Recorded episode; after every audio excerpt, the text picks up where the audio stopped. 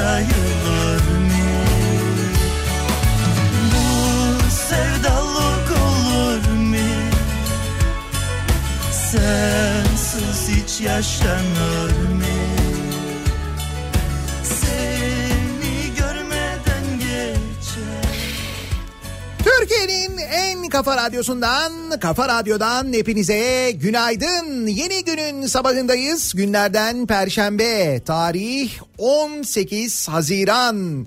Bulutlu ve puslu bir İstanbul sabahından sesleniyoruz. Türkiye'nin ve dünyanın dört bir yanına. Hatta bulutlu, puslu ve maskeli bir İstanbul sabahı olduğunu da söyleyebiliriz.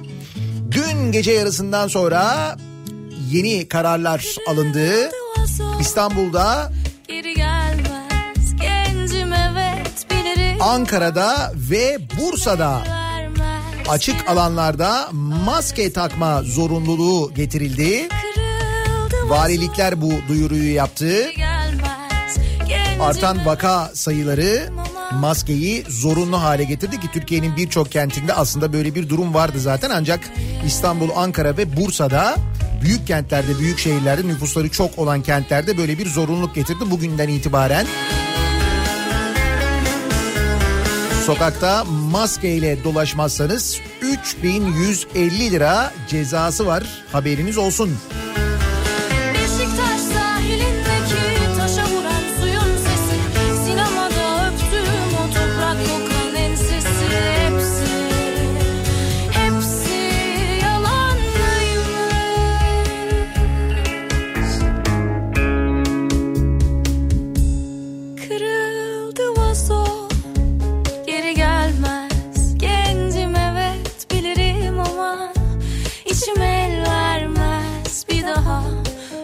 besame, yeah.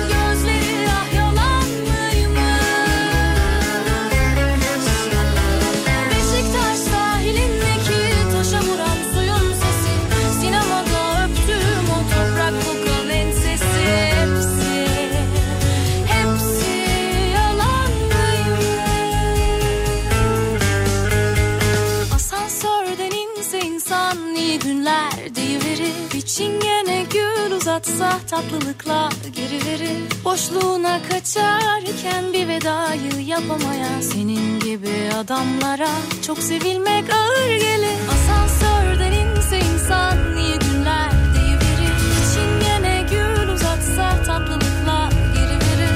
Boşluğuna kaçarken bir vedayı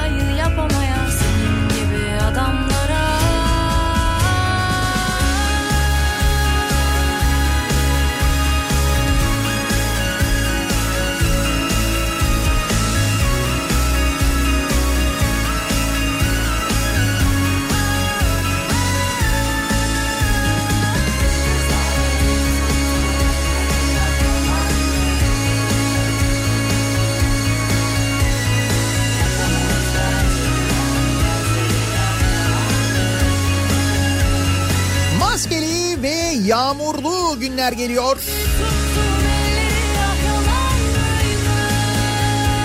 Meteoroloji 5 günlük yağış uyarısında bulunuyor. Trakya'nın büyük bölümünde ve İstanbul'da yağışlardan bahsediyor meteoroloji önümüzdeki 5 gün için. Kaldı ki şu an itibariyle zaten meteorolojinin son radar görüntülerinde İstanbul'a doğru yaklaşan ve giderek büyüyen bir sistem, yağmur sistemini görebiliyoruz. Hatta benim tahminim şu anda Büyükçekmece'ye, Silivri, o taraflara ve biraz daha kuzeye Çatalca taraflarına yağmur yağıyor olmadığı. Keza Çanakkale tarafında da şu anda şiddetli bir yağış durumu söz konusu. Bu yağışların İstanbul'a ulaşması da an meselesi.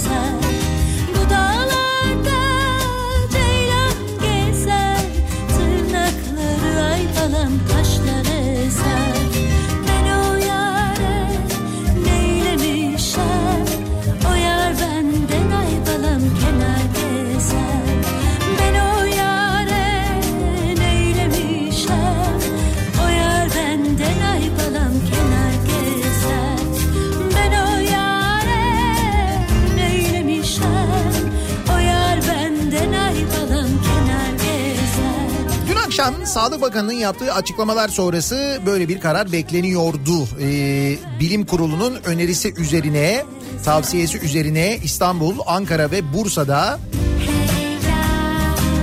maske takma, açık alanlarda maske takma zorunluluğu getirildi. Tabii bu karar dün valilikler tarafından duyurulunca gece yarısı civarı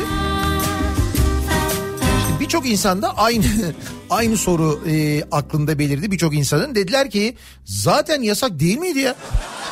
Yani zaten böyle bir maske takma zorunluluğu yok muydu? Hayır öyle bir zorunluluk yoktu. 42 şehirde Türkiye'nin 42 şehrinde vardı ama valiliklerin aldığı bu yönde kararlar vardı. Şimdi Sağlık Bakanlığı'nın bu tavsiyesi, bilim kurulunun daha doğrusu bu tavsiyesi üzerine valilikler bu kararı aldı. Bundan böyle İstanbul'da, Ankara'da, Bursa'da açık alanlarda yani sokağa çıktınız tek başınıza yürüyorsunuz maskeniz yok. gözlerimiz bulur 3150 lira. Haberiniz olsun söyleyeyim. Çünkü maske sadece sizi değil çevrenizdekileri de koruyor. Şu maskeli yaşama havaların da tabii birden ısınması ile birlikte bir alışamadık, bir boş verdik. Ancak boş vermemek gerekiyor. Demek ki bunu böyle bu yöntemle yapmak gerekiyor. Bundan böyle. seversin sonunda. Olur ya evet dersin aşkıma. Şeytana uyarsın da olmaz mı olur ya? Bu arada dün Sağlık Bakanı'nın açıklamaları içinde hafta sonu yapılacak mesela LGS, sonraki hafta yapılacak YKS yani e, üniversiteye giriş sınavı, liselere geçiş sınavı. Bu sınavlarla ilgili de bir takım önlemler alınması gerektiği konusunda önerileri olduğunu, bunlarla ilgili de harekete geçileceğini söyledi. Muhtemelen e, sınavların olduğu günler ve sınavların olduğu saatlerde sokağa çıkma yasağı uygulanacak herhalde. Öyle bir durum olacak. Öyle anladım ben bakanın açıklamalarından ama konuyla ilgili İçişleri Bakanlığı kuvvetle muhtemel bir genelge yayınlayacak. Ne dün ne de yarın kalsın Biz yeniden doğalım İlk Şimdi muhakkak e, sınava girecek olan adaylara bir kolaylık sağlayacak ya da onların yakınlarına bir kolaylık sağlayacak bu sokağa çıkma yasağı da. Şimdi önemli olan e, uzmanların sınav yapılacak olan yerlerde yani sınav salonlarında yaşanacak ve olası tehlikeyle ilgili yaptıkları uyarılar. Yanmaz Yani bir uzman diyor ki mesela e, hani bu kadar çok insanı böyle salonların içine koymak sosyal mesafe kuralı olmadan e, aynı sınıfın içinde 3 saat boyunca oturtmak yani baya böyle bir koronavirüs partisi vermek gibi bir şey e, diyorlar mesela bö- böyle yorumlayan uzman var. Yani neden bu sınav bir günde yapılıyor? Neden bu sınavlar mesela 3-4 güne yayılmıyor? olur ya Hani e, daha az öğrenci, daha böyle fazla sosyal mesafe en azından mümkün olan yerlerde belki açık havada neden yapılmıyor falan deniyor. Mümkün olan yerlerde diyorum bakın. Hemen mesaj gelmesin. Güneşin altında nasıl yapacaklar çocuklar? Öyle değil. Mümkün olan yerlerde. Güneş almayacakları, güneşin altında kalmayacakları yerlerde mesela. Sonsuza dek yanımda Ya da bu sınavlar bu kadar mühim midir? Bu kadar hani vakaların da üstelik artışa geçtiği bir dönemde yayılma riskinin bu kadar fazla olduğu bir dönemde şart mıdır yapmak? Bakanlığın konuyla ilgili, Milli Eğitim Bakanlığı'nın konuyla ilgili yapılan itirazlara e, ve hatta bu itirazla ilgili açılan bir davaya yaptığı savunmada mevsimsel koşullar gerekçe gösterilmiş. Denilmiş ki işte havalar çok ısınacak sonra yapmak mümkün olmayacak denilmiş. O nedenle e, ısrarla ve inatla bu tarihlerde yapılıyormuş. Bu sınavlar öyle anlıyoruz. En azından savunmalarından öyle anlıyoruz. Şimdi öyle ya da böyle sınava girilecek. Peki sınava girildikten sonra ne olacak? Mesela Profesör Esin Şenol diyor ki YKS'ye girecek öğrencilere sınav sonrası diyor 7 gün ailenizdeki riskli insanlardan uzak durun diyor. Yani bu ne demek? Şu demek. Bence fark etmiyor. LGS'de de aynı şey geçerli. LGS ya da YKS'ye girdiniz. Siz belki farkında değilsiniz ama olsun. Belki virüs taşıyan ama belirti göstermeyen biriyle aynı salondasınız. 3 saat boyunca aynı salonda kalıyorsunuz. Farkında olmadan siz de enfekte oldunuz diyelim ki siz de hastalığı kaptınız. Bunu da bilmiyorsunuz. Sınavdan çıktıktan sonra e, ailenizde işte mesela 65 yaş üstü ya da e, kronik rahatsızlığı olan biri varsa onlardan mümkünse uzak durun diyor. Bir 7 gün boyunca uzak durun. Hatta yapabiliyorsanız 7 gün kendinizi mümkün olduğunca bir karantinaya alın kendi evinizde.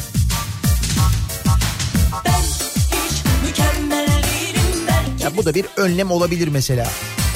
İşin aslı sevgilim sen bana fazla iyisin Ben hiç mükemmel değilim belki de sıradan Sınava ilişkin alınan önlemlerin yetersiz olduğunu ifade eden Profesör Esin Şenol diyor ki sınav vardiyalı yapılabilirdi. İşte benim dediğim gibi günlere bölünebilirdi. Sosyal mesafenin en azından bir buçuk iki metre olması, sınıfların iyi havalandırılıyor olması gerekir. Toplu taşıma için de hepimiz gönüllü olup çocukların ulaşımını sağlayabilirdik demiş. Bir şey kalmadı şunun şurasında işte iki gün kaldı. Bir önlem alınacaksa ne zaman alınacak? Bunlar ne zaman duyurulacak? İşin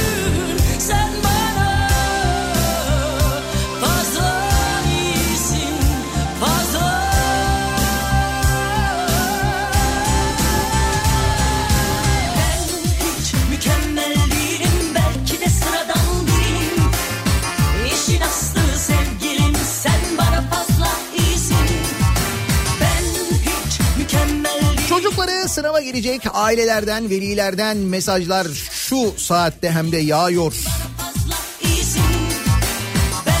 Şu önlem neden alınmadı, bu önlem neden alınmadı şeklinde mesajlar geliyor. Profesör Doktor Bengi Başer mesela e, o da çeşitli önerilerde bulunmuş. Demiş ki sınavların şu an için en az bir ay ertelenmesi, vaka artışına göre de gerekirse tekrar ötelenmesi, sınav günleri e, sınav artı eksi iki saat sokağa çıkma yasağı getirilmesi, sınav okul sayısının daha da artırılması, okulların açık alanlarının kullanılması demiş mesela. Öğrenci ve derslik sayılarının el verdiği ölçüde her öğrencinin kendi okulunda sınava girmesi ki böyle yapılıyor bildiğim kadarıyla. Kendi okullarında sınava giriyor öğrenciler. En azından e, LGS için bu yöntem var.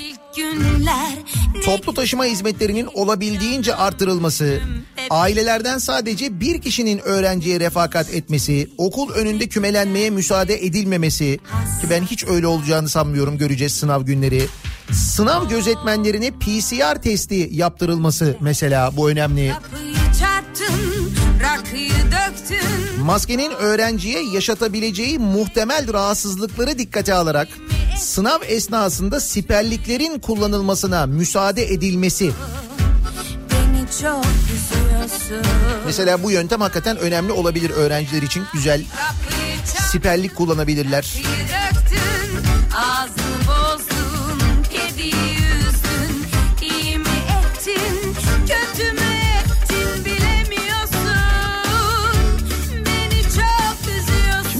Maske zorunluluğunun gelmesi ve maske takmamanın cezasının 3150 lira olması ile ilgili de çok yoğun mesaj geliyor. Acaba bütçe açığı için yapılmış olabilir mi? Yok artık canım öyle değildir yani. Burada gerçekten e, sağlık düşünülüyordur diye tahmin ediyorum. Kaldı ki dediğim gibi bilim kurulunun önerisiymiş bu. Maliye kurulunun değil yani. Artık bilim kurulu herhalde bütçedeki açığı düşünmüyordur. Onlar sağlıkla ilgili önerilerde bulunuyorlar. Çünkü öyle şeyler yaşanıyor ki bak Bursa'nın İnegöl ilçesinde maske kullanmayanlara ceza yazıldı. Yasaktan haberinin olmadığını öne süren Numan D cezai işlem uygulanırken kimliğini polise bırakıp uzaklaştı. Demiş ki ben kimliği de bırakıyorum.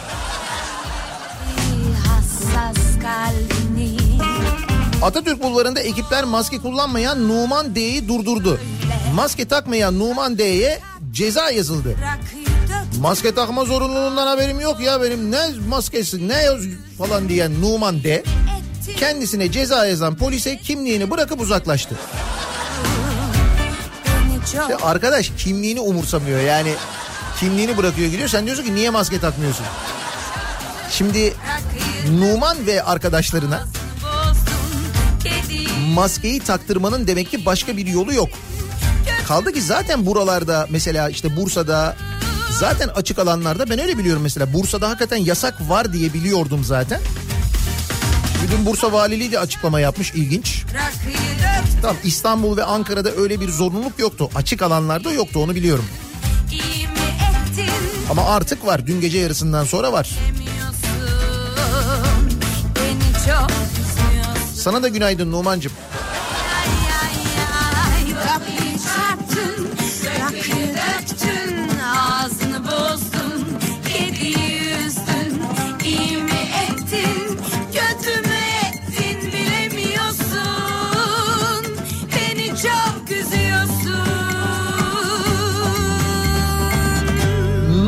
Sabah trafiğiyle başlıyoruz peki? Perşembe sabahına, perşembe gününe hemen dönüyoruz trafiğin durumuna bakıyoruz. Kafa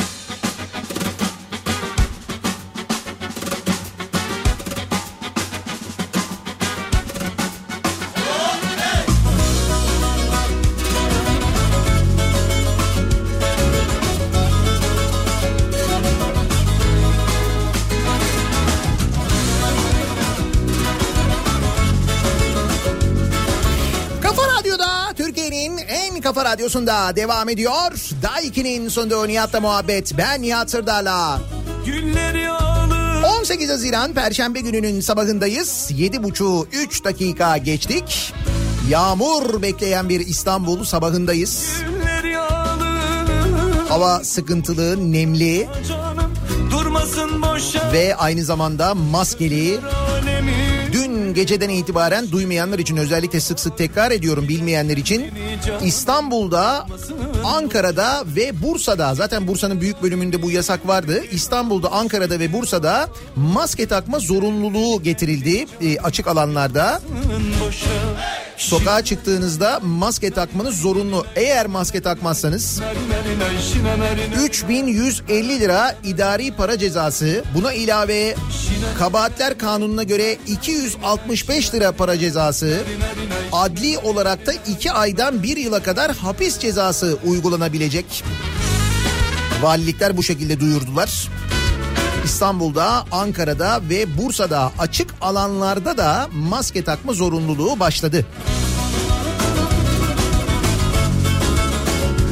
Günde bin kişiye ceza kessek 3150'den ne oluyor? 3 milyon 150 oluyor. Fena değil aslında biliyor musun gelir.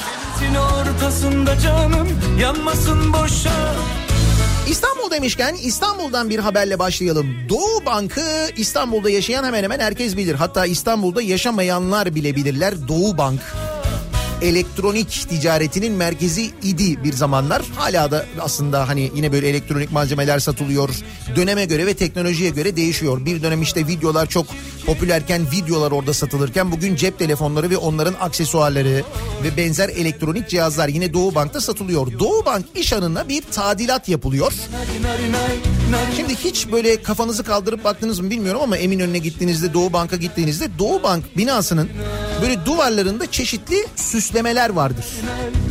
Hiç dikkat ettiniz mi? Hiç baktınız mı? Ben mesela hatırlıyorum yani çok sık gittiğim bir yerdir benim ve benim hep dikkatimi de çekmiştir. Çocukluktan beri dikkatimi çekmiştir o. Eskiden apartmanların böyle duvarlarında çeşitli süslemeler, rölyefler falan olurdu ya. İşte onun gibi bir şey. E, biliyor muydunuz mesela Bedri Rahmi Eyüboğlu'nun ilk duvar mozaiklerinin Doğu Bank İşhanı'nın duvarında olduğunu? Yani o mozaiklerin Bedri Rahmi Eyüboğlu'nun ilk duvar mozaikleri olduğunu. Peki şunu biliyor muydunuz? Doğu Bank iş anında yapılan tadilat sırasında Bedir Rahmi Eyüboğlu'nun ilk duvar mozaiklerinin üzerinin kapatıldığını. Bunu biliyor muydunuz? Bravo. Doğu Bank iş anında gerçekleştirilen tadilat çalışmaları sırasında ünlü ressam Bedir Rahmi Eyüboğlu'na ait mozaiklerin üzeri yalıtım malzemeleriyle kapatıldı. 4 numaralı Kültür Varlıklarını Koruma Bölge Kurulu mozaiklerin üzerinin açılması yönünde karar aldı. İşhanı yönetimi ise bizim için maliyetli bir iş olacak dedi.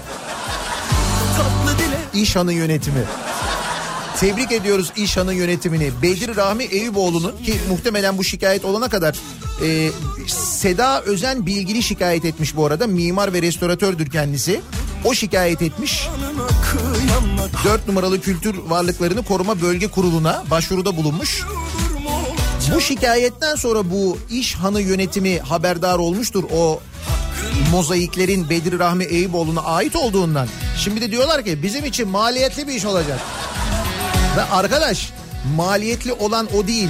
Maliyetli olan senin onun üzerini kapatman. Sen binayı restore ederken o mozaikleri de restore etsen, doğru düzgün restore ettirsen, bunu duyursan insanlara o bina daha da fazla kıymetlenir ya. Öyle mi ya?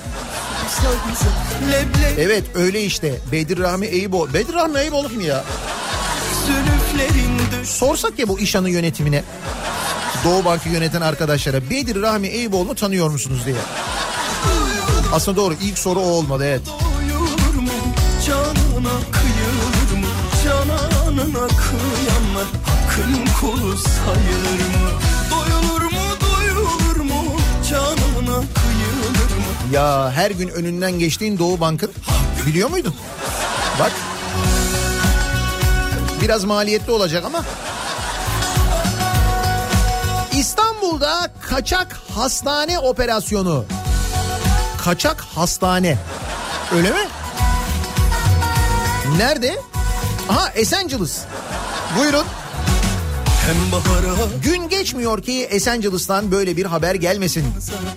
İstanbul'da Esencilis'ta yani Esenyurt'ta Suriyelilerin açtığı kaçak hastaneye baskın düzenlendi. Suriyeliler hastane. Bayağı bildiğin hastane açmışlar yani öyle mi kaçak? Esenciles giderek bağımsızlığını ilan etme konusunda adımlar atıyor. Enteresan bir beldemiz olmaya başladı. Suriyeli ikisi doktor 5 kişinin gözaltına alındığı operasyonda hastalardan alınan tahlillerin içinde dondurma da bulunan buzdolabında saklanması dikkat çekti.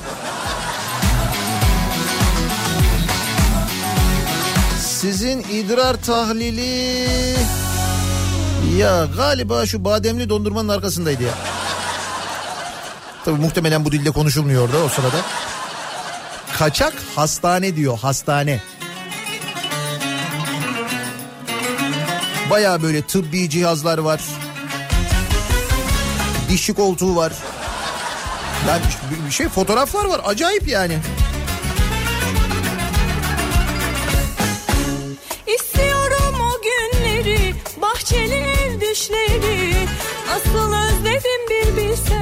Konuşmuştuk ya hani İstanbul'da 5000 yeni taksi açıklaması. Bu İstanbul Büyükşehir Belediye Başkanı Ekrem İmamoğlu'ndan gelen bir açıklamaydı. Sonra bu açıklama üzerine e, e, galerilerden galericilerden bir açıklama gelmişti. İstanbul'u kilitleriz diye galericiler. Mesela biliyor muydun sen İstanbul'da böyle bir hani böyle bir şey olduğunun böyle bir güruh olduğunun böyle bir galericiler diye bir şey galericiler derken bu taksi plakası veren galericiler olduğunun taksi plakalarını işleten onların böyle belediyeye ya da İstanbul'a böyle kitleriz İstanbul'u falan diye tehdit edebilecek kadar güçlü olduklarını biliyor muydunuz siz mesela? Ben bu kadarını bilmiyordum. Nitekim konuya e, Ekrem İmamoğlu bir yanıt vermiş. İstanbul'a teknolojik uygulamalarla donatılmış 5000 yeni taksi kazandıracaklarını duyurmasının ardından taksicilerden gelen İstanbul'u kilitleriz tehditlerine yanıt vermiş.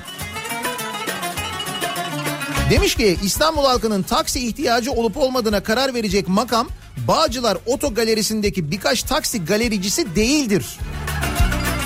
İstanbul'da düzeni bozucu bir fiile giren her şahıs karşısında devleti bulacaktır demiş. Allah'ın İstanbul valisi ne düşünüyor bu konuyla ilgili? Böyle İstanbul'u kitleriz falan diyor ya bu arkadaş ya da arkadaşlar. Öyle ya şimdi mesela biz desek ki İstanbul'u kitleriz. Anında al bunu al al al al. tez vakitte dönersen rüyalar gerçek olur. Senden bana dost olmaz. Dün akşam yayınında uzun uzun konuştuk bu konuyla ilgili artık böyle hani tekrar tekrar da konuşmak istemiyorum ama çok basit bir şey var aslında. Şimdi 5000 yeni taksiden bahsediliyor.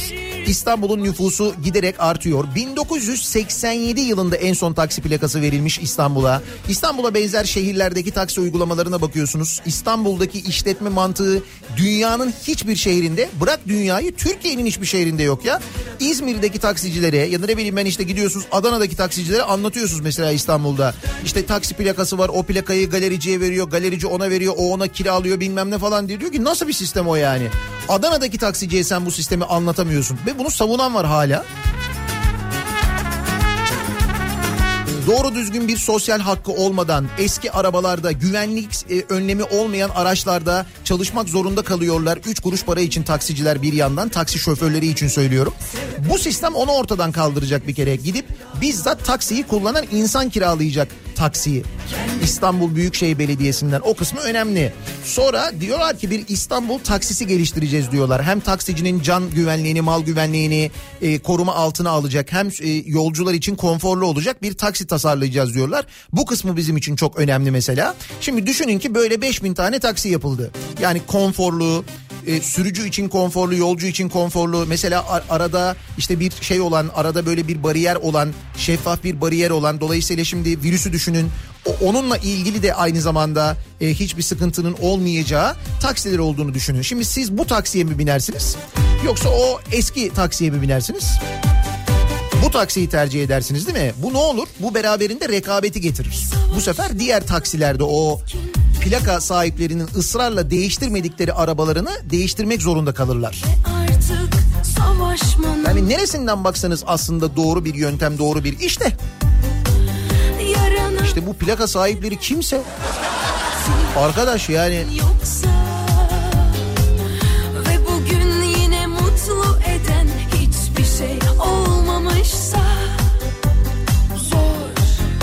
Kat Bu Wushu diye mi okunuyor, Wusu diye mi okunuyor acaba ya? Böyle bir spor dalı var. Wushu diyelim biz buna. Wushu Federasyonu'nda yeni skandal. Bir de bunun federasyonu da varmış aynı zamanda. Bir dövüş sporu anladığım kadarıyla. Fakat çok enteresan. Ee, şimdi bu federasyonla ilgili aslında başka haberler de var da. Geçmişte başka şeyler de olmuş bu federasyonda. Mesela kadın e, sporculara böyle bir türban dayatması olmuş. Sponsorluk adı altında sporculardan para alınmış. Turnuvaya götürme bu şekilde turnuvaya götürülmüş falan. Böyle bunun gibi usulsüzlüklerle ilgili daha önce haberler çıkmış. Şimdi şöyle bir haber var yeni. Bu Wushu Federasyonu ile ilgili. Federasyon Başkan Vekili Abdurrahman Akyüz'ün kızı Elif Akyüz Türkiye Wushu Kung Fu şampiyonasına hem spo- sporcu hem de hakem olarak katılmış. Yani hem sporcu hem hakem. Ee, sonra annesinin de hakem heyetinde yer aldığı şampiyonayı kazanmış. Nasıl federasyon? Adeta bir aile gibi. Çünkü gerçekten aile federasyonu yani. Yine mutlu eden hiçbir şey olmamışsa Zor geliyor katlanması Bir sporcu kurallara göre hakemlik görevi yaptıktan sonra bir yıl içinde herhangi bir turnuvaya katılamıyormuş. Katıldığı takdirde de cezalandırılıyormuş. Normalde ceza alması gerekiyormuş. Böyle kurallar varmış. Ve fakat bir, böyle bir cezalandırma olmadığı gibi annesini annesi hakem heyetinde yer alan Elif Akyüz kendisinin de bulunduğu hakem heyetinin oylarıyla birinci seçilmiş. Ha kendisi de hakem heyetinde. Kendi kendine mi? Nasıl oluyor ya? Mesela bir şey minderde herhalde minderde oluyor. Dövüş oluyor. Ondan sonra dövüş olduktan sonra kendine puan veriyor. Faal yaptın. Hayır yapmadım. Ya yaptın. Ya hakem benim. Yapmadım. Öyle akşamlarda insanın içesi geliyor. Çok karışık işler yani. Başıma ne geldiyse böyle akşamlarda geliyor. Hayır rakip için çok zor. Ne yapacağını bilemiyorsun. Karşındaki hem hakem hem rakip. Şöyle biraz sert yapsan hocam pardon çok özür dilerim. Böyle Nasıl yapacaksın? Çok zor yani. güneş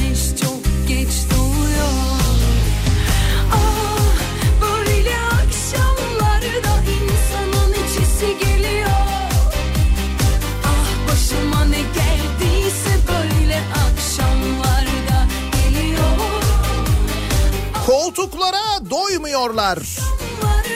Ne oldu yine mi koltuk? Hayırdır? Bir kişiye iki makam. Ne iki makam? Üç makam, dört makam. Şu Hamza meselesiyle ilgili bir konu var, bir açıklama var da ona geleceğiz ama ondan önce bir başka bilgi var. Ee, bir kişinin birden fazla kamu kurumunda yönetici yapılmasına yeni bir halka eklendi. Sakarya Büyükşehir Belediye Başkanı Ekrem Yüce Çaykur Yönetim Kurulu'na atanmış sevgili dinleyiciler. Sakarya, Çaykur, Rize, geldim anladım Ekrem Yüce Sakarya'da belediyeyi Rize'de Çaykur'u yönetecek diyor haber. Nasıl? Bu atamalarda bizim bilmediğimiz bir kriter var ama yani ben onu hala çözemedim. Mesela Hamza Yerlikaya Vakıfbank Yönetim Kurulu'na Sakarya Büyükşehir Belediye Başkanı Çaykur'a yani bir harflerle ilgili bir şey mi var? Nedir? Ya bizim çözemediğimiz bir yöntem var orada öyle bir formül var ama bu e, Hamza Yerlikaya ile ilgili de Hamza Yerlikaya'nın Vakıfbank Yönetim Kurulu'na atanması ile ilgili de ben şimdi günlerdir şunu bekliyorum. Hani tabii bir yandan tamam bu atamayı geri aldık bekliyorum. Hamza Yerlikaya'dan canım tamam ben de kabul etmiyorum istifa ediyorumu bekliyorum. Hiç öyle bir şey gelmiyor. Ama mesela ne hani bunu böyle bir savunan olabilir mi ya da nasıl savunabilir acaba bu atamayı diye merak ediyordum ben. Şimdi belli oldu. Bakınız e, nasıl savunuluyor. Şimdi birincisi e, eğer Hamza'dan rahatsız oluyorsanız vatan sevginizden şüphe etmeniz lazım demiş. Bunu söyleyen kim biliyor musunuz? AKP Adana Milletvekili Tamer Dağlı Türkiye Büyük Millet Meclisi'nde Hamza Yerlikaya'nın Vakıfbank Yönetim Kurulu'na atanmasından rahatsız olan varsa vatan sevgisini vatan sevgisinden şüphe etmesi lazım demiş. Yani biz vatanı sevmiyoruz. Ben ben öyleyim mesela. Ben Hamza Yerlikaya'nın Vakıfbank Yönetim Kurulu'na atanmasını doğru bulmayan biriyim. O zaman benim vatan sevgim e, neydi? Tamer Dağlı'ya göre daha mı az oluyor? Öyle mi oldu şimdi yani? Bak böyle düşünüyorsan bu adama göre öylesin. Öylesin işte yani. Meclis Genel Kurulu'nda AKP grubu adına söz alan Adana Milletvekili Tamer Dağlı, Yerlikaya'nın atanmasını bu bankaların sporla ilgili hizmetleri de var sözleriyle savunduktan sonra doğru voleybol takımı var. Vakıfbank'ın evet. alem Ne hallere düştük Eleştirilere yönelik de yanıt verdi. Dağlı ağırlıklı olarak eleştiriler dünya ve olimpiyat şampiyonu olmuş asrın güreşçisi dediğimiz Hamza Yerlikaya üzerinde yoğunlaşmaktadır. Hamza Yerlikaya bu vatanı seven, bayrağını seven, ülkesini seven, İstiklal Marşımızı defalarca okutan, bu bayrağı defalarca dalgalandıran bir sporcumuzdur. Güzel. Yalnız Vakıfbank bayrak üretimi yapmıyor. Hamza Yerlikaya gibi bu vatanı seven bütün sporcularımıza ne yapsak azdır. Evet ama Vakıfbank Yönetim Kurulu'na bir bankanın yönetim kuruluna yerleştirmek doğru değildir. Bunu söyledin diye de sen vatanı daha az seviyorsun değildir. Bu nasıl bir mantık ya? Eğer Hamza'dan rahatsız oluyorsanız vatan sevginizden şüphe etmeniz lazım. Yok ya. Bana yine gül yüzünle gel Tek sözünle gel Gözüm yolda gönlüm sende kaldı Al da gel Yana yana yaz oldu kışım Şu meselenin savunma yöntemine bakın. Ee, savunma kafasına bakın Allah aşkına. Kaldı al da gel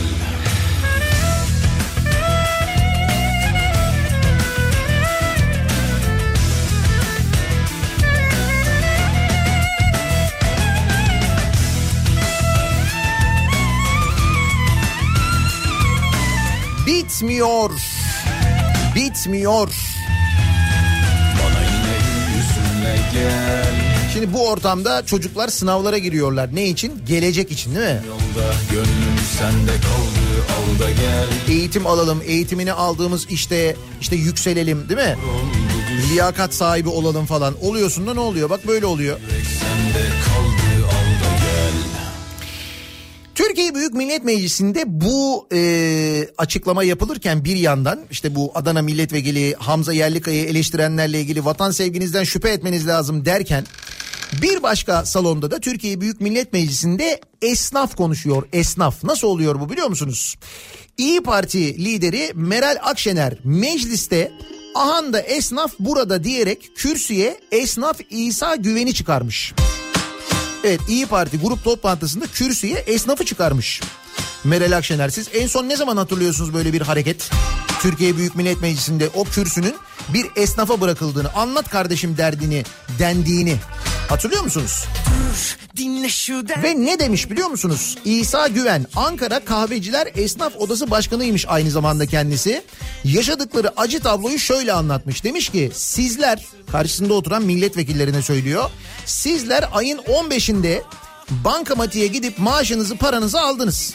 Türkiye'de 1.7 milyon esnaf var. Bunların tenceresi nasıl kaynadı? 92 gün evimize ekmek götüremedik. Mutfakta tenceremiz kaynamadı. Şimdi seçim zamanı değil geçim zamanı demiş. Şimdi durum aslında bu. Hemen bu haberin yanında da şey haberi var işte. Sakarya Büyükşehir Belediye Başkanı Çaykur Yönetim Kurulu üyesi oldu haberi var. Her Hemen yanındaki haber yani.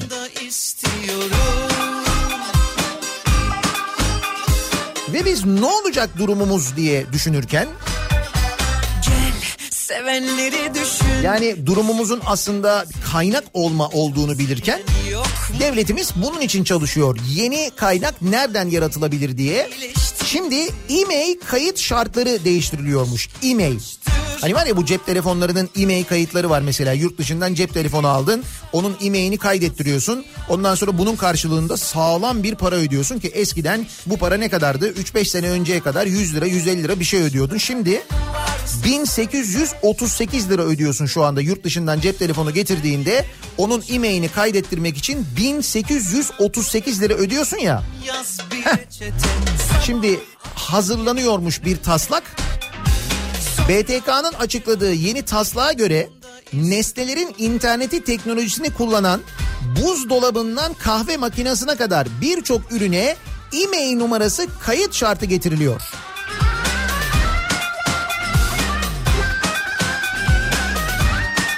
İnternet bağlantısı olan, internet kullanan nesnelerin interneti dediği şey bu aslında. Cihazlar kapsamında olan kahve makinesi, buzdolabı, otomobil gibi bütün ürünler bir elektronik kimlik numarasına yani IMEI'ye sahip olacak.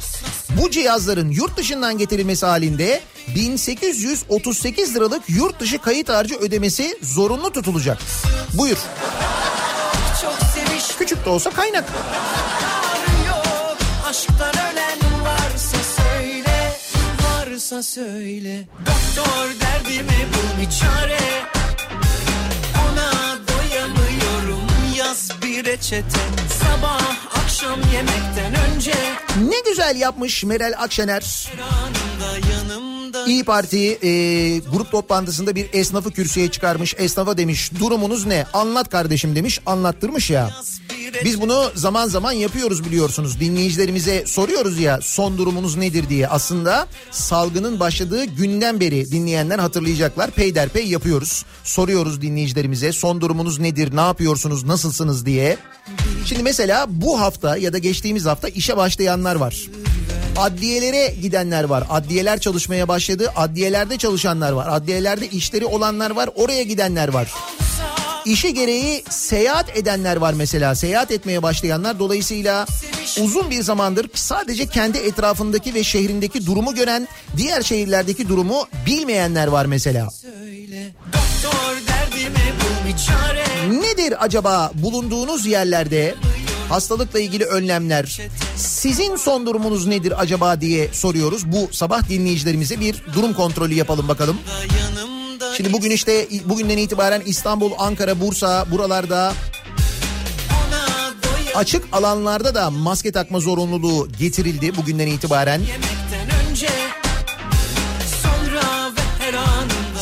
Son durumunuz nasıl diye bu sabah dinleyicilerimize soruyoruz. Esnaf dinleyicilerimize mesela son durumunuz nedir diye soruyoruz. Var mı işlerinizde bir hareketlenme acaba diye soruyoruz. Son durumum bu sabahın konusunun başlığı. Sosyal e, medya üzerinden yazıp gönderebilirsiniz mesajlarınızı. Twitter'da böyle bir konu başlığımız, bir tabelamız, bir hashtagimiz an itibariyle mevcut. Son durumun başlığıyla yazıp gönderebilirsiniz mesajlarınızı. niyatetniyatsırdar.com elektronik posta adresimiz. Bir de WhatsApp hattımız var 0532 172 52 32 0532 172 kafa. Buradan da yazabilirsiniz mesajlarınızı sevgili dinleyiciler. Bir ara verelim. Reklamlardan sonra yeniden buradayız.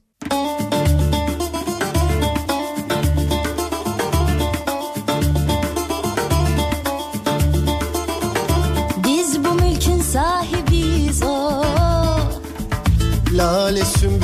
mor menekşe o Beyler misafir gelirler giderler. Beyler misafir giderler. Beyler misafir gelirler giderler. Beyler misafir giderler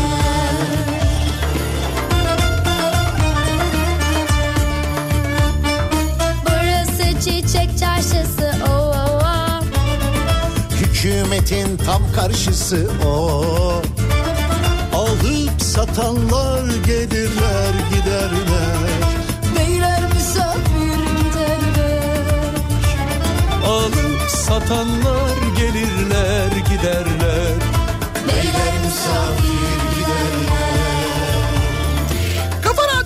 Türkiye'nin en kafa radyosunda devam ediyor. 2'nin sunduğu Nihat'la muhabbet. Ben Nihat Sırdar'la. Perşembe gününün sabahındayız. Son durumum bu sabahın konusu. Bir durum kontrolü yapıyoruz. Nasıl iş yerinizde, yaşadığınız şehirde son durum acaba diye soruyoruz. Bakınız Esencilis'ten yazan bir dinleyicimiz var.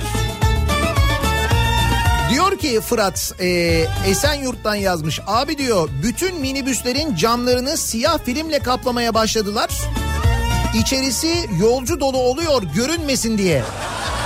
Bu da buraların yeni taktiği. Bizim son durumumuz bu. Çare bitmiyor demiş. şu gelen bey Hakikaten e, camlar görüyorum ben bayağı siyah yani. Geldiler gittiler giderler Beyler misafir giderler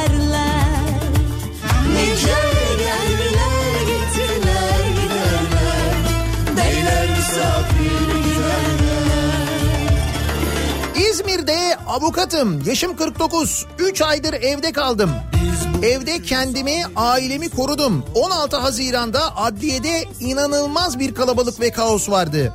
Bunun olacağı öngörülmemiş ki savcılık makamı Ocak ayında aldığımız icra kotalarını iptal ederek yeniden almamızı istemiş. Bunun yarattığı ek iş ve sıraları anlatmam mümkün değil. 3 aydır kendimi saklayan ben saatlerce sırada üst üste mesafesiz ve maskesiz insanlarla bekledim. Amaç neymiş? 2019 vergi levhası almak. Bunu dijital alamıyor muyuz ya? Yıl olmuş 2020. Ama 2019 vergi levhası ya o yüzden herhalde. 2020 olmadığı için.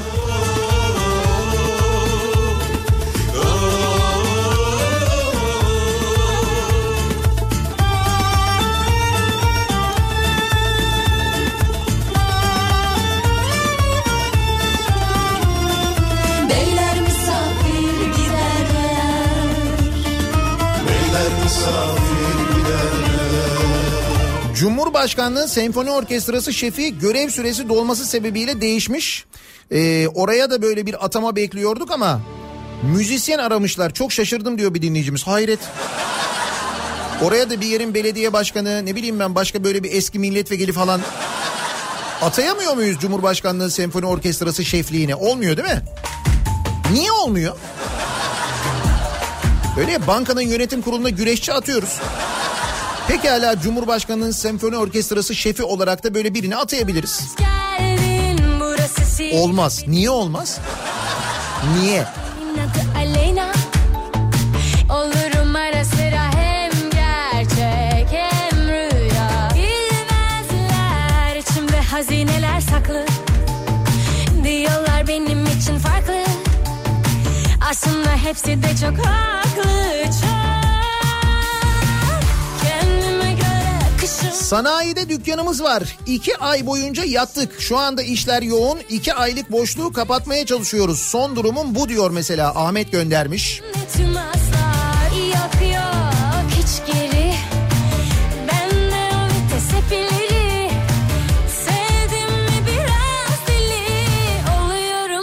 Son durumum 10 numara 5 yıldız. Buradaki 5 yıldız yalnız bir imalı 5 yıldız. Neymiş o? 5 yıldızlı Diyanet yerleşkesinde 332 kişilik salonu bulunan Diyanet İşleri Başkanlığı 200 kişilik toplantı için 5 yıldızlı oteli tercih etmiş. Hiç sevmem 6 saat süren toplantının faturası 100 bin liraymış sevgili dinleyiciler. Evet.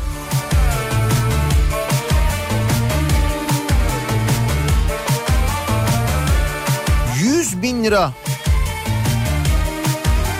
E ne oldu bu israf haram değil miydi ya? Yalnız salon acayip havalı biliyor musun böyle? Avizeler altın varaklı falan. Eh hazineler saklı Diyorlar benim için farklı Aslında hepsi de çok haklı Çok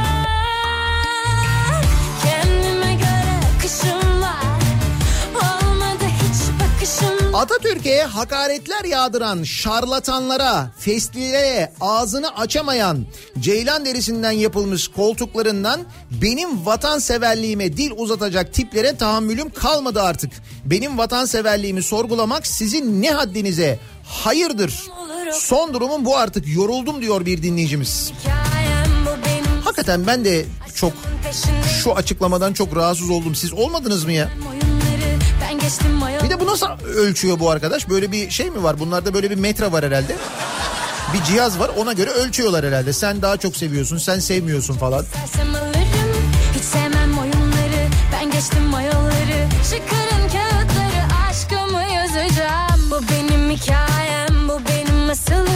Aşkımın peşindeyim çok istedim Doğalgaz faturaları katmerli gelmeye devam edecek. Maliyeti düşmesine rağmen biz Aşkım ödemeye devam. Son durumum bu. Neymiş bu? Vatandaşa indirim yok. BOTAŞ'ın gaz maliyeti düşmüş. Salgınla birlikte petrol ve doğalgaz fiyatlarında büyük düşüş yaşandı. Petroldeki düşüş akaryakıtta indirim olarak vatandaşın cebine yansıdı. Ancak doğalgazda indirim olmadı. Sen dua et zam olmadı. İndirim olmadı da.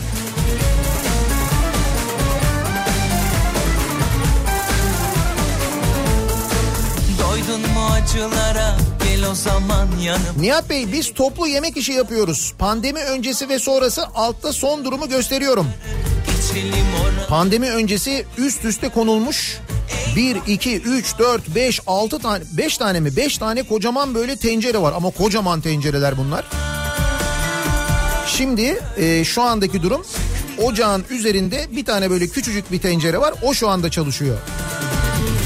Toplu yemek üretimi yapılan yerlerde de demek ki işler durmuş. Alırım kaçarım ben seni yaşatırım Seni yüzen olursa Şimdi yeniden çalışmaya başlayan iş yerlerinde mesela yemekhaneler kullanılmıyor. Dışarıdan sipariş verilmesine birçok iş yerinde izin verilmiyor. Dışarıya yemek yenilmesine, gidilmesine müsaade edilmiyor ya da tavsiye edilmiyor. Bu durumda ne yenecek iş yerinde problemi başlamış durumda değil mi?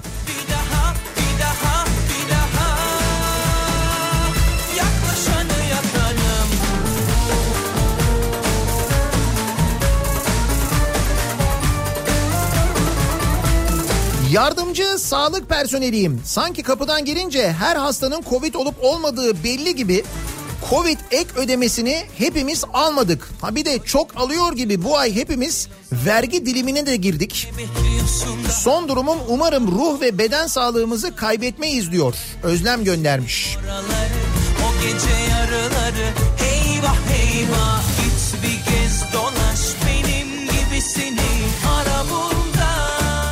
durumum bu cumartesi LGS gelecek cumartesi de diğer sınavlardaki korona partisine davetliyiz.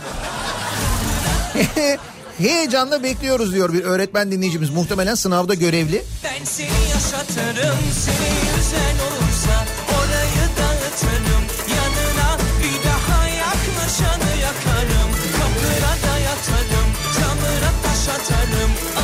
Biz turizmci olarak Mart'tan bu yana zaten evde oturuyoruz. Son durumumuz bu.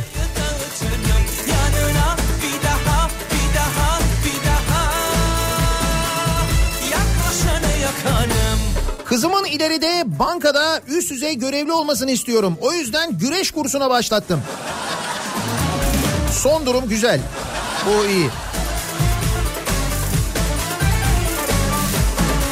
Son durumum bu haberi görünce Türk Hava Yolları'na müdür olasım geldi. Türk Hava Yolları'nın uçak sayısı 350, müdür sayısı 700'müş. seni yüzen olursa Her uçağa iki müdür. Ön kapıdan da binsen müdür, arka kapıdan da binsen müdür. İyi. Bir zaman Türk Hava Yolları'nda damacana müdürü var diye bir haber çıkmıştı. Doğru mu o ya? Damacana müdürü. Sen Hayır benim tanıdığım öyle bir damacana müdürlüğü yapabilecek birisi var da. Onun için söylüyorum. Bilmiyorum oradaki arkadaş ne kadar damacana konusunda ehil ya da su konusunda değil ama öyle bir damacana tanıdığım var benim.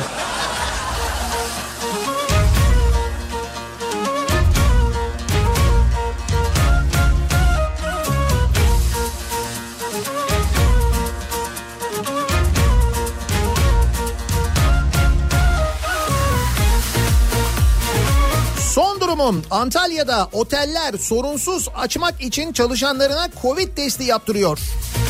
Antalya'da böyle bir hazırlık varmış.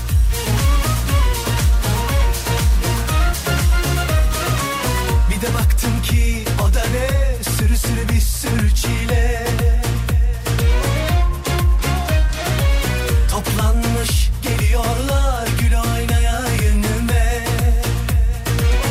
İşim gereği sürekli şehir dışında kamu inşaatlarını geziyorum. Karantina boyunca hep seyahatteydim. Hangi inşaata gittiysem işçiler üst üste çalışıyordu. Müteahhitlerin düşünceleri iş bitsin kim hasta olursa olsun. Hatta şu anda Elazığ'da yapımı süren Harput Diyanet Külliyesi'ne gidiyorum. Son durumum bu diyor Ferhat. Aa bir dakika Elazığ'daki şeye Diyanet Külliyesi'ne mi gidiyorsun? Neydi bizim şeyler ağaçlar? Hangisiydi o? Ne, ne Leyland'dı o bir şeydi. Onların bir fotoğrafını çeksene Ferhat ya. Çok merak ediyoruz biz onları. İthal şeyler vardı ya, ithal bitkiler vardı.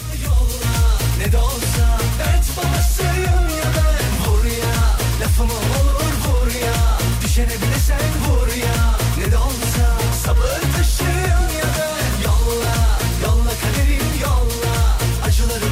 Manisa'da Mart ayında 48 lira su faturası ödedim. Salgın sebebiyle sayaç okunmayınca Mart ayının %75'i oranında faturalandırma yapılacağı söylendi.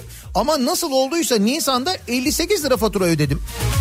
48 liranın %75'inin nasıl 58 lira olduğunu düşünmek son durumum bu şu anda onu düşünüyorum. Ha bu arada Haziran ayında iki kişinin yaşadığı eve 141 lira fatura geldi. Bendeki de can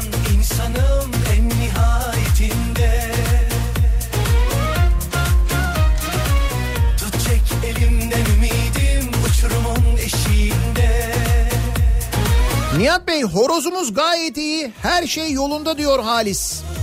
Denizli'de son durumumuz bu. O uzaktan horozun fotoğrafını çekmişsiniz 100 milyon. Dünyanın en pahalı horozu. Bu gidişle sonunda salacağım 100 milyon lira 100 milyon. Yolla yolla kaderim yolla Acıları bana yolla Ne de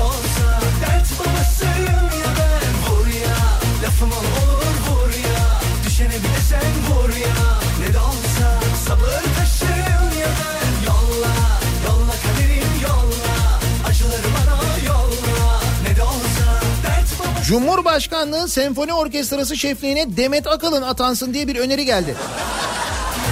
Niye olmasın? Değil mi? Mihriban performansından sonra özellikle. Bir türlü gün yüzü göremedik Feleğin elinde oyuncak garibim Bir türlü saadetine bilemedim Vatanını en çok seven görevini en iyi yapandır. Herkes işini yapsın değil mi? Öyle mi? Acaba gerçekten?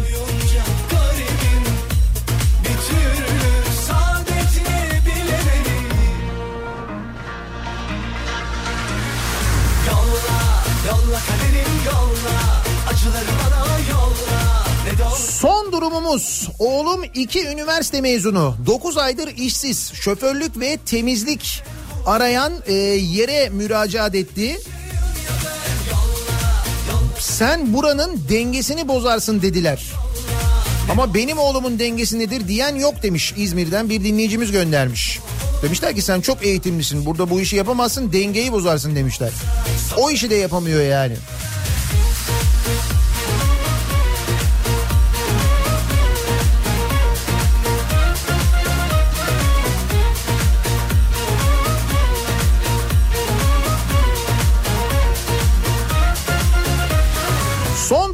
Bu. Aksaray 112'den bir ekip olarak Hatay Yayladağ Devlet Hastanesi'ne desteğe geldik. Sağlık çalışanları olarak biz çalışmaya devam ediyoruz. Sosyal mesafeye, maske kurallarına uyan vatandaşlarımıza da selamlar diyor.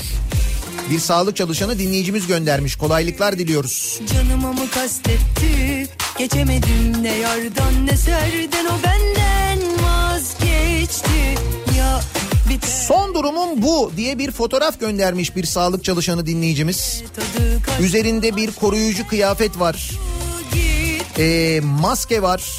Yani hem bu koruyucu siperlikli maske var hem bu N95 dedikleri maske var eldivenler. Bu koşullarda çalışıyoruz biz diyor. Ve diyor ki vatan sevgimi ölçsünler bakalım diyor. Hadi benim vatan sevgimi de ölçsünler diyor. Neydi? Adana milletvekili. Dur söyleyeceğim. Bunu söyleyen kimdi? Hatırlayalım. Ne cam kaldı Ne de çerçeve AKP Adana milletvekili Tamer Dağlı. Kendisine söyleyebilirsiniz. Kendisi kimin ne kadar vatanını sevdiğini ölçebilen bir insan.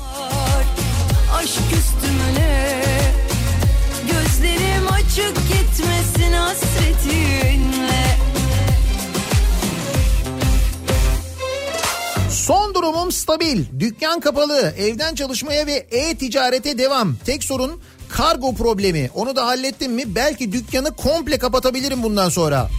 Pandemi dükkan zorunluluğunu ortadan kaldırdı diyor Zafer. Of aman of yetti Canıma mı kastetti Geçemedim ne yardan ne serden O benden vazgeçti Ya Son durumum bu. Yine topluca vatan haini olduk. Ne yaptılar ettiler kündeye getirdiler bizi diyor Muzaffer. İşte bu az önce okuduğum açıklama. Hamza Yerlikaya'nın Vakıfbank Yönetim Kurulu üyesi olmasından rahatsız oluyorsanız vatan sevginizden şüphe etmeniz lazım demiş. Ya.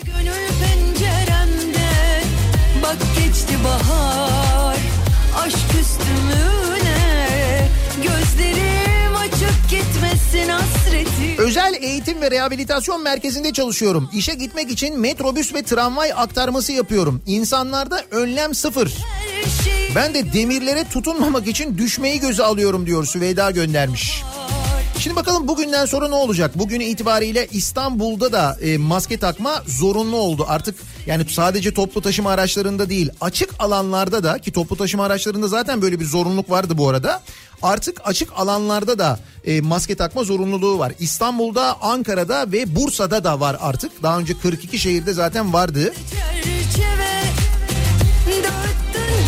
Bakalım ne olacak? Geçti bahar Aşk üstümüne Son durumum şöyle diyor İbrahim. Maskeyi çift kat yaptım. Öncesine göre daha çok izole oldum. Öğle yemeğini evden götürüyorum ya da öğle yemeği yemiyorum. Biraz masraflı ama kendi aracımla işe gidip geliyorum. Kısacası korona tazı biz tavşan kaçıyoruz işte diyor. Aşk üstümüne Gözlerim açık gitmesin hasretinle İstanbul'dan Karaman'a geldik diyor Ömer. Burada bütün yoğun bakımların dolu olduğu söyleniyor. Ve tüm insanlar normalin üzerinde birbirine gidip geliyor. İstanbul'da herhangi bir hastalık veya tedavi süreci geçirmeme başarısını burada sürdürebilecek miyiz emin değilim. İstanbul'daki seyahat yasağının kalkmasından sonra 3 milyon insanın İstanbul'dan gittiğini, seyahat ettiğini söylemişlerdi. Ee, öyle bir rakam verilmişti hatırlayacaksınız. Bu 3 milyonluk insan hareketinden sonra bu yani 3 milyonluk insan hareketinden 15 gün sonra vakalar bu sayıya geldi. Çok net bir görüntü var aslında ortada yani.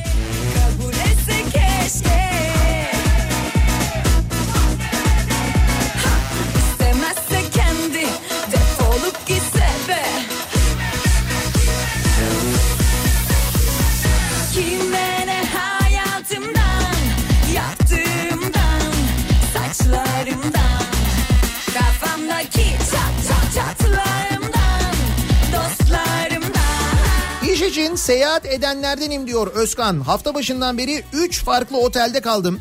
Otellerde kahvaltı kısıtlaması haricinde çok da bir önlem göremedim. Şehir otellerinin biraz daha fazla denetlenmesi lazım diyor. Son durumum bu demiş. Seyahat etmek zorunda olanlar var evet.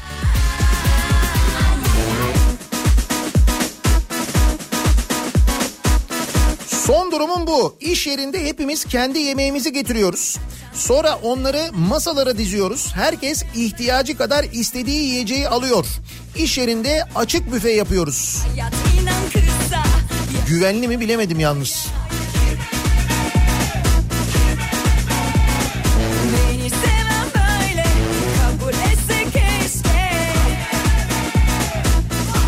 Durumum şu. Cumartesi LGS'ye girecek öğrencilerimize haftalardır ders anlatmayı bıraktık.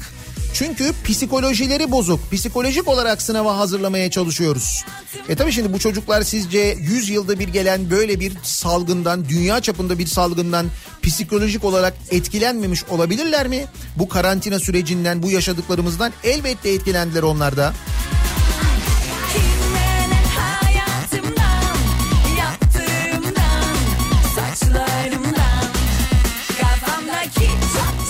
Çat Sitenin havuzu açıldı. Çoluk çocuk sıfır mesafe havuzda. Aileler de maskesiz bir şekilde aynı masada oturup çocukları izliyor. Sitelerde koronavirüs olmuyor mu? Yani bildikleri bir şey varsa söyleseler biz de rahatlasak demiş bir dinleyicimiz. Sevda göndermiş. Sitelerde olmuyor mu? Bu havuzlarla ilgili kurallar var benim bildiğim kadarıyla. Yine Sağlık Bakanlığı'nın yayınladığı bir genelge var değil mi? O kurallara uyulması gerekiyor.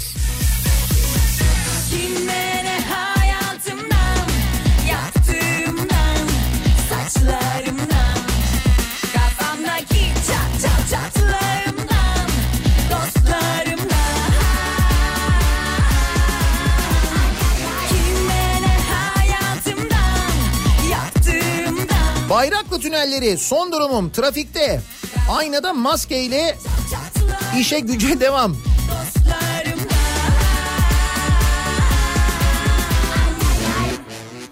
Son durumum bu iki cümle aynı konuşmada söylenmiş midir diye düşünüyorum. Hangi iki cümle? Sağlık Bakanı Koca dalgalanma bazı bölgelerde beklediğimizden fazla. Ama sokağa çıkma kısıtlaması düşünmüyoruz.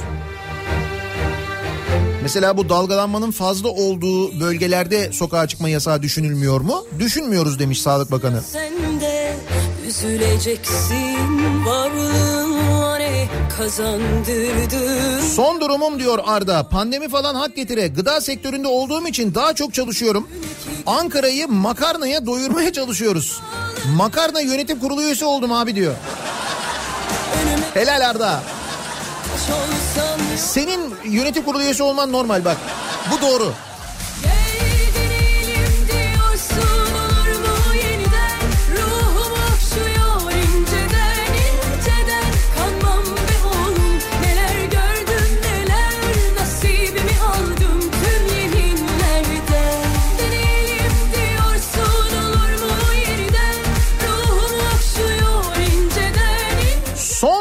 Bu. Başka sözüm yok diyor. Mersin'den Levent göndermiş.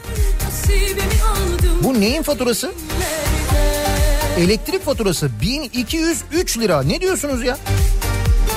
TRT payı 13 lira 20 kuruş. 13 liralık izleyebilirsiniz TRT'yi.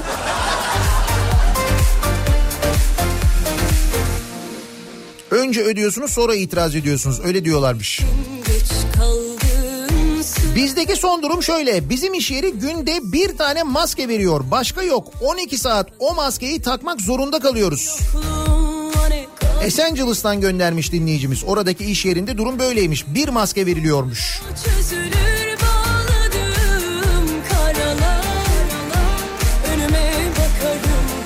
olsam yoluma kay Son durumum şirketin finans ve idari işler direktörüyken aynı şirkette aşçılık da yapıyorum. Şimdi personel eksikliğinden dolayı pandeminin bize yaptıklarından biri.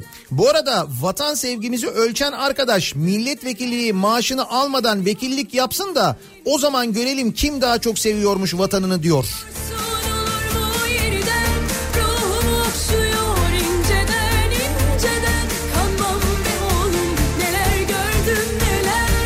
İstanbul'dan Arzu işe gitmek için giyinip kuşanıp yola çıktım. Yasak geldi ama hala maske yok. Herkes gayet rahat. Kronik astım hastasıyım ve bu akılsızlar yüzünden acı çekmek istemiyorum. Son durumum çok sinirli. Dün gece yarısından sonra yasak geldi. Sokağa maskesiz çıkmak yasak ama ya insanların haberi yok ya umursamıyorlar. Şu anda baya böyle maskesiz sokakta insanlar olduğu yönünde çok mesaj geliyor. Sizin iş yerinde, evde son durumunuz ne acaba diye soruyoruz bu sabah. Son durumum konu başlığımız bu. Reklamlardan sonra yeniden buradayız.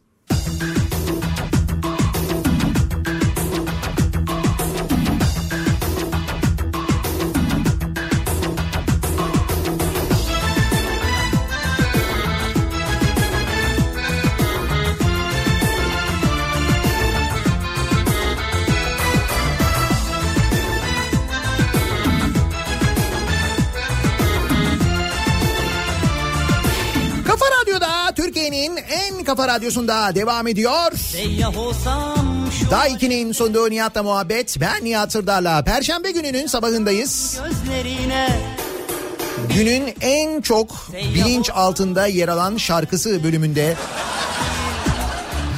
Bugün Hakan Peker'in şarkısını çıkarıyoruz bilinçaltımızdan.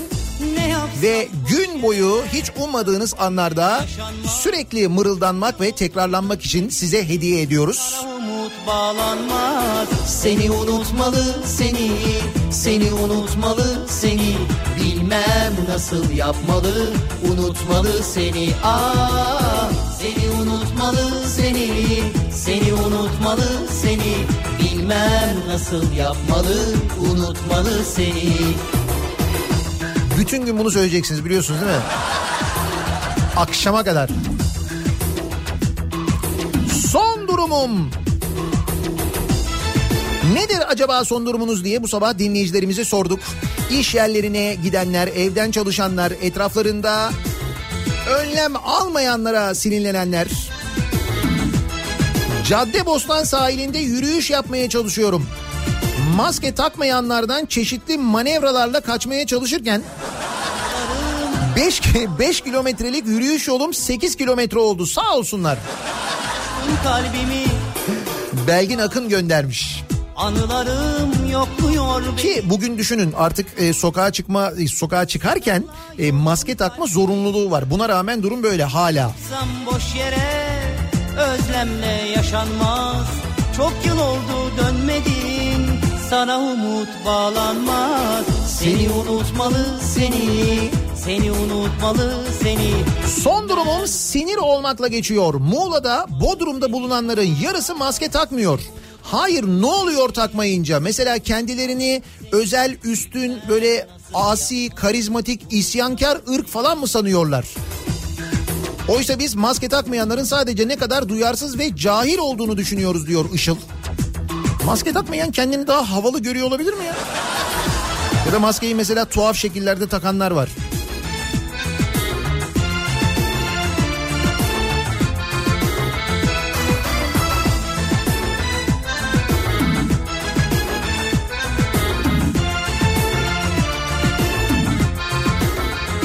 Az önce günde bir maske veren bir iş yerinden bahsetmiştiniz diyor bir dinleyicimiz. Ben ee, bir maske veren iş yerine iki çift lafım var. Büyüksün başkan. Benim çalıştığım iş yeri devletin verdiği 5 maskeyi verdi. 23 Nisan 1 Mayıs, e, 19 Mayıs karantina falan hep çalıştırdı. Üstelik neredeyse her yere maskesiz girmek yasak yazısı astılar. Ama maske vermediler bize iş yerimiz diyor. Sen o bir taneyi buldun da diyor.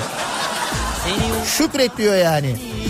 Seni unutmalı seni bilmem nasıl yapmalı unutmalı seni ah seni unutmalı seni seni unutmalı Klimasız serviste suratımızda maskeyle bu sıcakta bir buçuk saatte işe gidip geliyorum.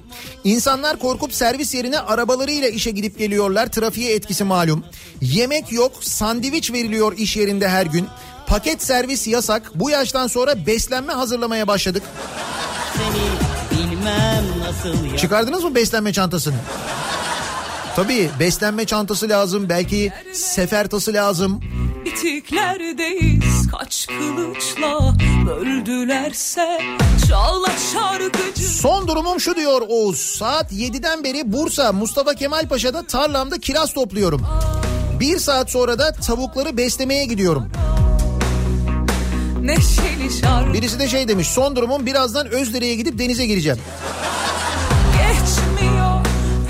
Sizi de seviyoruz. sızı buralarda Boşanmış kalp zemberekten Zehrimiz çok engel Son durumum işe gidip gelmek için her gün otobüse biniyorum. Sabah ve akşam ayrı ayrı en az iki kişiyi maskesi olmadığı ya da yanlış taktığı için uyarıyorum. Uyarı sonra tartışmaya dönüyor. Artık yoruldum. Ruhen içler acısı haldeyim diyor Neriman. Gurbet elden memleketten Peşrevini çal şarkısı bizden 3 ay sonra bugün İstanbul'a döndüm ve işbaşı yaptım. Son durumum brokoli gibiyim. Sağlıklıyım ama tadım tuzum yok. Brokoli gibi. Güzel.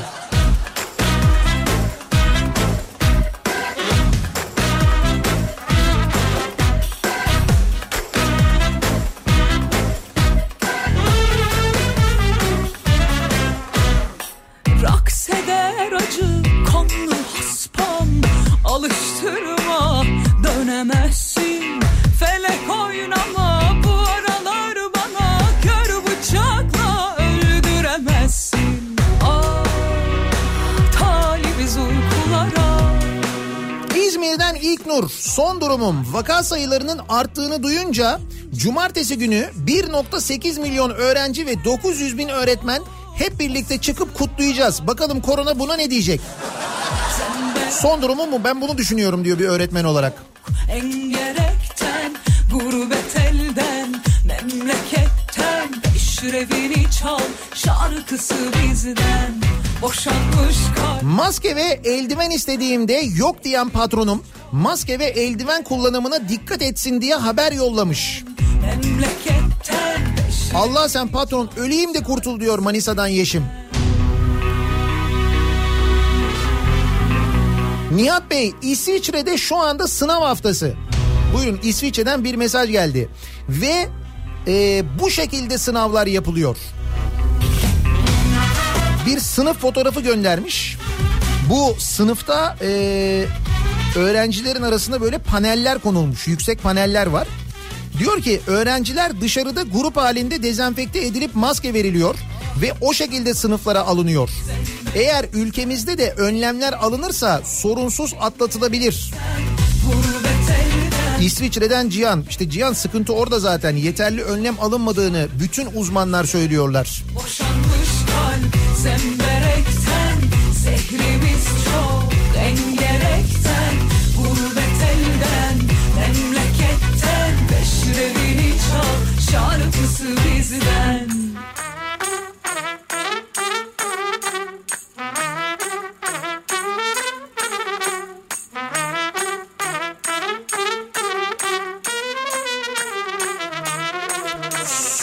Durumları anlayamıyorum. Ee, korona tablosundaki sayılarla ilgili mesela endişesi var bir dinleyicimizin.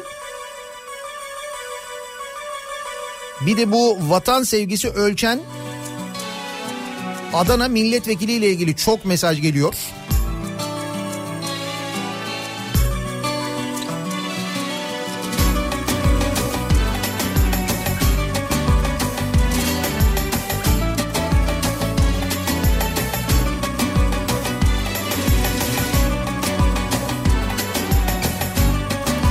Bursa Büyükşehir Belediye Başkanı Ali Nur Aktaş 3 ayda 150 milyon lira zarar ettik dedi. Ardından su faturalarını görünce şaşırmayın açıklaması yaptı. Dün Bursalılar gelen su faturalarını görünce şok yaşadılar. Bütün abonelere sabit 110 lira 50 kuruşluk fatura gönderilmiş. Öyle mi? Dün Bursa'da öyle bir şey mi oldu? E zarar etmişsiniz. Şimdi zarar edince kim ödeyecek o zararı? Kaynak kim? Kaynak sensin canım kardeşim. Bu 150 milyon lira zarar edip e, parayı Bursalılara bölüştüren belediyeydi değil mi? Hani ne, ne eti hazırlıyordu böyle bir tanıtı Bursa tanıtımı için. Heh. Gel yanıma sarıl yeniden Ne çok özledim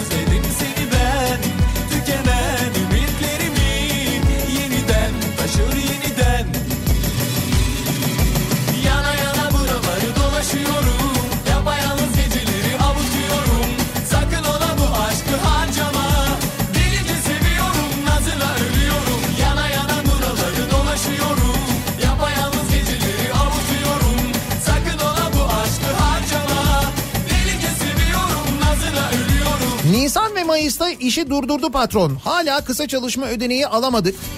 İşi durduran patron da çalışmadınız ki para vereyim dedi. Son durumun parasız. İş kuru bekliyoruz hala diyor bir dinleyicimiz. İlaç mümessiliyim. Son durumum şu. Çenelerine e, maskelerini çenelerine takıp sıfır sosyal mesafe kurallarına e, uyan ve aynı zamanda pandemi araştırması yapan hastanelere girmeye akşam akşam da evime virüs taşımadan gitmeye çalışıyorum diyor İstanbul'dan Çağla. Mümessillerin durumu da çok zor. Bir daha bir daha bak bana Dur yalvarıyorum Nazı bırak dur dön bana Ofise dönüşümüzün üçüncü gününde çalışma arkadaşımızın annesinde virüs pozitif çıkınca bugün itibariyle tekrar evden çalışmaya döndük. Şimdi bugün arkadaşımızın dün yaptırdığı testin sonucunu gergin şekilde bekliyoruz. Bizim son durumumuz da bu. Ne çok özledim seni ben Tükenen ümitlerimi Yeniden taşır yeniden Yana yana buraları dolaşıyorum Yapayalnız geceleri avutuyorum Güney Afrika'dan yazıyor bir dinleyicimiz. Diyor ki Güney Afrika'dan son durumu bildireyim. Virüs buraya Türkiye ile aynı tarihte ulaştı. O hafta bütün ülkede sokağa çıkma yasağı ilan edildi. Mart'tan Haziran başına kadar sokağa çıkma yasağı sadece gıda alışverişi dışında devam etti. Herkes muazzam bir şekilde kurallara uydu. Haziran başından bu yana yasaklar bitti. İş yerleri açıldı. Hayatını kaybeden sayısı toplamda 1500. Fakat e, ışıklardaki dilenciler bile maske takıyor. Sakın ola bu aşkı harcama Maske takmayan birini görürsek Güney Afrika'da kesin bizdendir diye düşünüyoruz.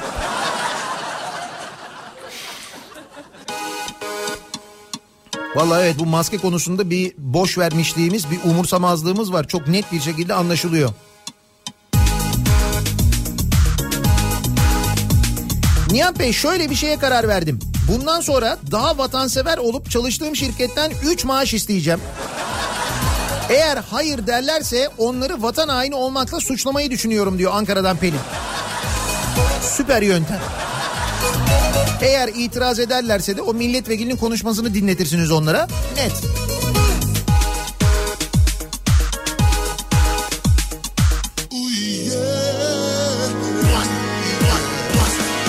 Bana baktığın an ateşler yakmadın mı? Bin bir işveyle sen sevdaya atmadın mı?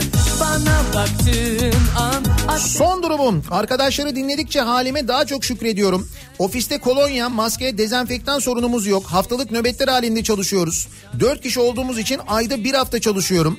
Sanırım ben epey şanslıyım.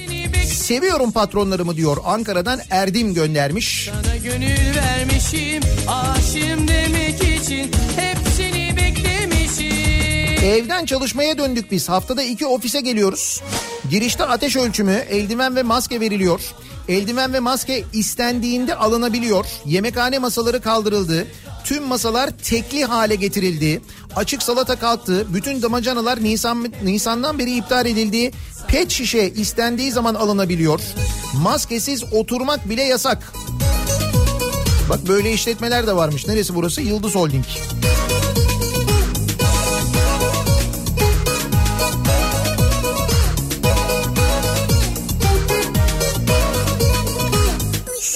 durumum Katar'da yaşıyorum. 1 Eylül'de okullar açılacak. Türkiye'ye gidip okul açılmadan dönsek 15 Eylül'e kadar dönüşler için otelde 14 günlük karantina istiyor devlet ve masraflar bize ait. 15 Eylül sonrası da az riskli ülkelere izin verecekler. Bu durumlar yüzünden e, çoğu arkadaş ve ben de Katar'da kaldık. 50 derece hava durumuna ne kadar dayanabilirsek. Hayır bir de zengin ülke dedik otelde kalmak nedir ya? İşte seni sevmişim Katar burada zengin. Yani artık burada zengin Katar onu biliyoruz. Bu arada benzer bir durum Almanya'da yaşayan ya da Avrupa'da yaşayan Türkler için geçerli ama özellikle Almanya'da durum epey bir sıkıntılı. Çünkü e, Almanya ile ilgili Almanya'nın daha doğrusu Türkiye ile ilgili aldığı bir karar var. yolun başındayım Hep yanımda Türkiye'yi riskli ülke ilan etti Almanya. Şimdi dolayısıyla e, Almanya'da yaşayanlar eğer Türkiye'ye gelirlerse, Türkiye'de işte izne gelirlerse mesela, izne geldikten sonra Almanya'ya döndüklerinde 14 gün boyunca karantinada kalmak durumunda kalacaklarmış. Şimdi bu e, gurbetçilerin Almanya'dan Türkiye'ye gelme planlarını epey bir etkileyecek öyle anlaşılıyor. Çünkü bu bekleniyordu ne olacak diye bekleniyordu bir belirsizlik vardı. Kuvvetle muhtemel gelmeyecekler. Hep yanımda ol Sanki bir rüyadayım Heyecanlıyım Daha yolun başındayım Nedir son durumunuz acaba diye sorduk bu sabah dinleyicilerimize. Yolun başındayım Hep yanımda ol Kısa bir ara verelim. Hemen ardından yeniden buradayız.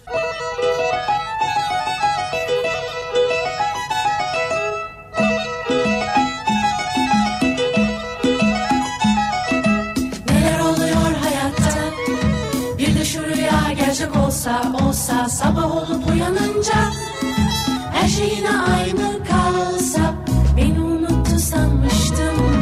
Bir de baktım ki işte orada orada. Anladım ki çok yanılmışım. Beni seviyormuş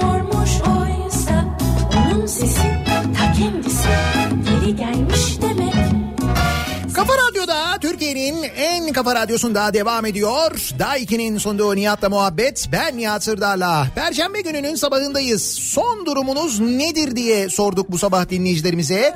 Bir durum kontrolü yapalım dedik. Türkiye'nin dünyanın birçok yerinden mesajlar geldi gelmeye devam ediyor. Şimdi Almanya'da dinleyenlerden, Almanya'da yaşayanlardan çok mesaj geliyor.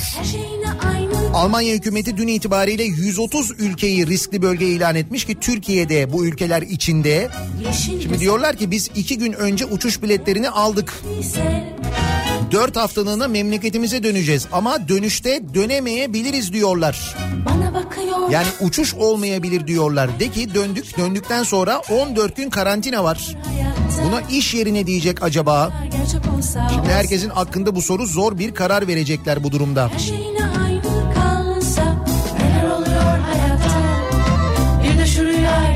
olsa olsa Sabah olup uyanınca Her şey yine aynı kalsa Onun sesi İstanbul, Ankara ve Bursa'da açık alanlarda getirilen maske zorunluluğuyla ilgili. Aşk bu. Maskeye hayır diye bir başlık açılmış da bu nedir ya? Ne saçma maskeye hayır. Maskeye hayır. Biz belki ölmek istiyoruz. Bunu diyorlar herhalde. Dedikleri şey bu. neler oluyor hayatta.